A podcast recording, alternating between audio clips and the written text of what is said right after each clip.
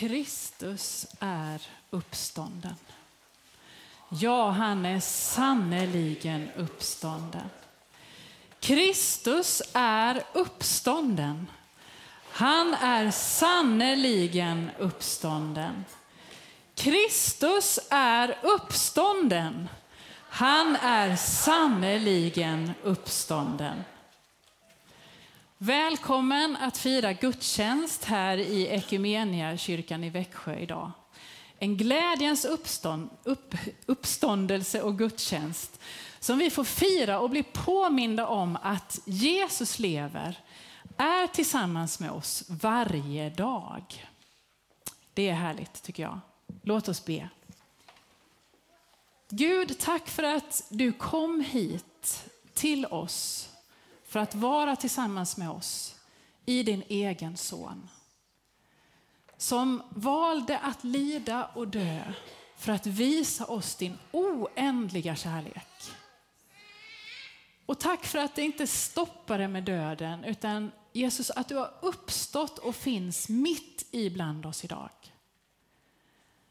Öppna oss för den glädjen som det är att få ha dig som en vän, levande och nära vid vår sida hela tiden.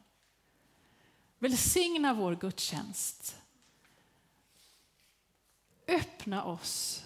Kom, heliga Ande, med din glädje, ditt hopp rakt in i våra liv. I Faderns och Sonens och den heliga Andes namn. Amen. En tidig morgon för länge sedan. Troligen efter en sömnlös natt så går några kvinnor till en gravplats för att ta hand om kroppen efter en man som kom att förändra deras liv. De hade hoppats så mycket om honom. Och sen hade han blivit dödad. Vid gravplatsen får de vara med om säkert det mest förundliga som de inte kunde tänka sig, för jag tror inte de kunde tänka sig det. Det märkligaste som de kunde vänta sig. Och kanske de, ännu mer än vi, inte kunde tro på det som hände där. Eftersom de ju själva hade sett Jesus dö på korset. De stod där. De hade själva sett honom lida. De hade hört hur han ropade, min Gud, varför har du övergivit mig? Och de hörde hur han slutade att andas. Och kanske kunde de känna den smärtan i sina egna kroppar. Hur skulle de kunna tro att han var någonting annat än död? De hade ju sett det själva. Och hur kan vi tro att Gud är någonting annat än död? Att Guds tid är över, för länge sedan, förbi. Hur skulle vi kunna tro någonting annat idag?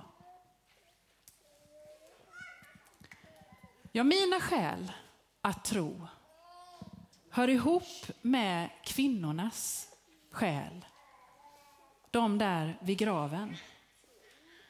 I verserna just efter det som vi hörde så står det, när Jesus hade uppstått morgonen efter sabbaten visade han sig först för Maria från Magdala, från vilken han hade drivit ut sju demoner. Han, hon gav sig iväg och berättade det för dem som hade varit tillsammans med honom och som nu sörjde och grät. När de fick höra att han levde och att hon hade sett honom trodde de inte på det. Trodde de inte på det. Maria, en av kvinnorna vid graven, blev den första att uppleva ett livslevande möte med den uppståndne Jesus. Om vi vill så kan vi ju avfärda den berättelsen som bara tjafs, kvinnors prat eller något. Precis som många då gjorde. Man trodde inte på dem. Och hur skulle de kunna berätta om det de hade varit med om så att folk skulle tro? Hur berättar man om ett möte med Jesus?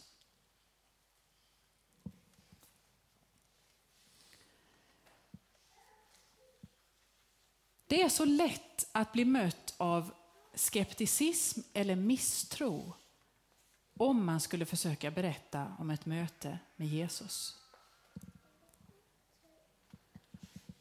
Så är det med mig.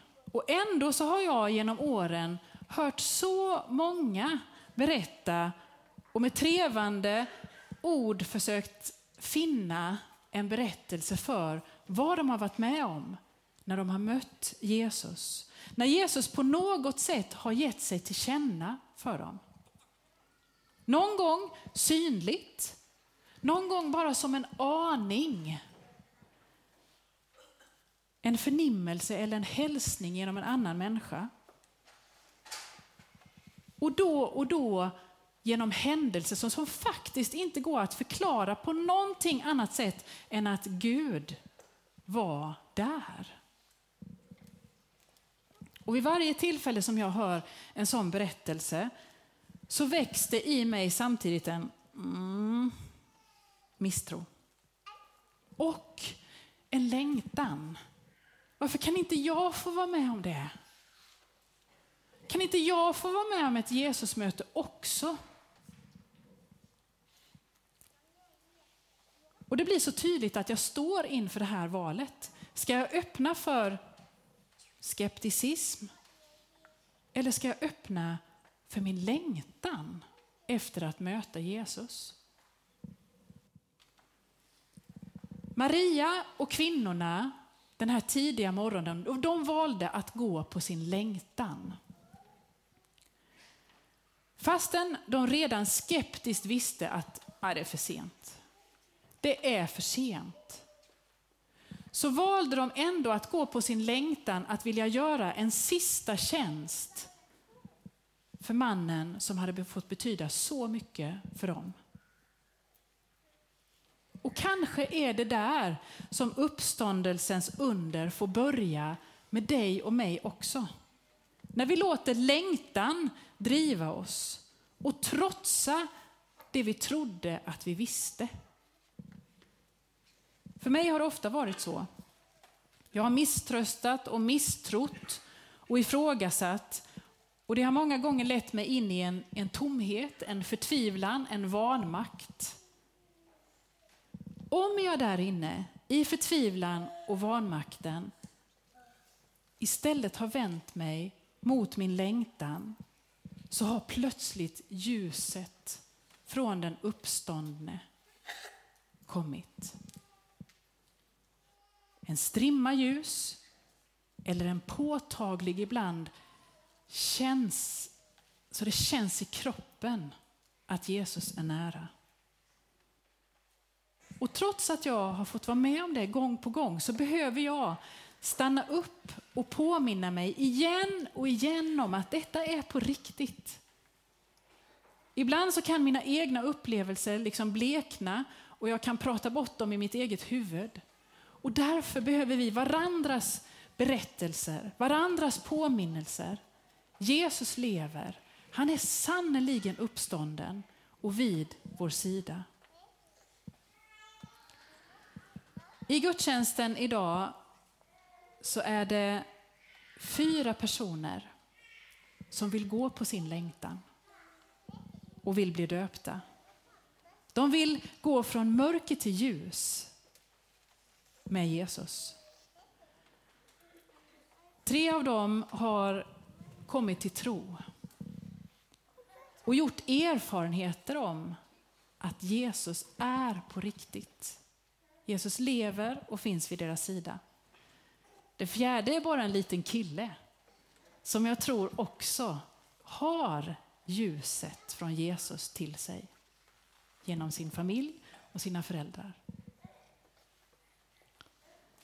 I dopet så ger Gud oss möjligheten att konkret visa att Jesus är den som leder oss genom död till liv. Vi får begrava vår misstro, vår misströstan, vår vanmakt, vår skepticism och uppstå i ljus, i hopp och liv. Om du har levt med Jesus ett tag så vet du att de där tunga och svåra känslorna de kommer i alla fall. Och jag tänker mig att det är en del av livet att det är så. Men i det så får vi samtidigt veta att vattenstämpeln som dopet är över våra liv, den säger oss med Guds egen röst. Du är mitt älskade barn. Jag är med dig. Och den vattenstämpeln går inte att tvätta bort. Och I gudstjänsten idag så kan du få en påminnelse om det. I samband med nattvarden så kommer det finnas en, en station här som man kan gå till om man känner att man behöver en påminnelse om sitt dop. Då kommer jag stå där och med dopvatten teckna ett kors i din panna. Och så får du hälsningen. Du är Guds älskade barn. Kristus har dött och uppstått med dig.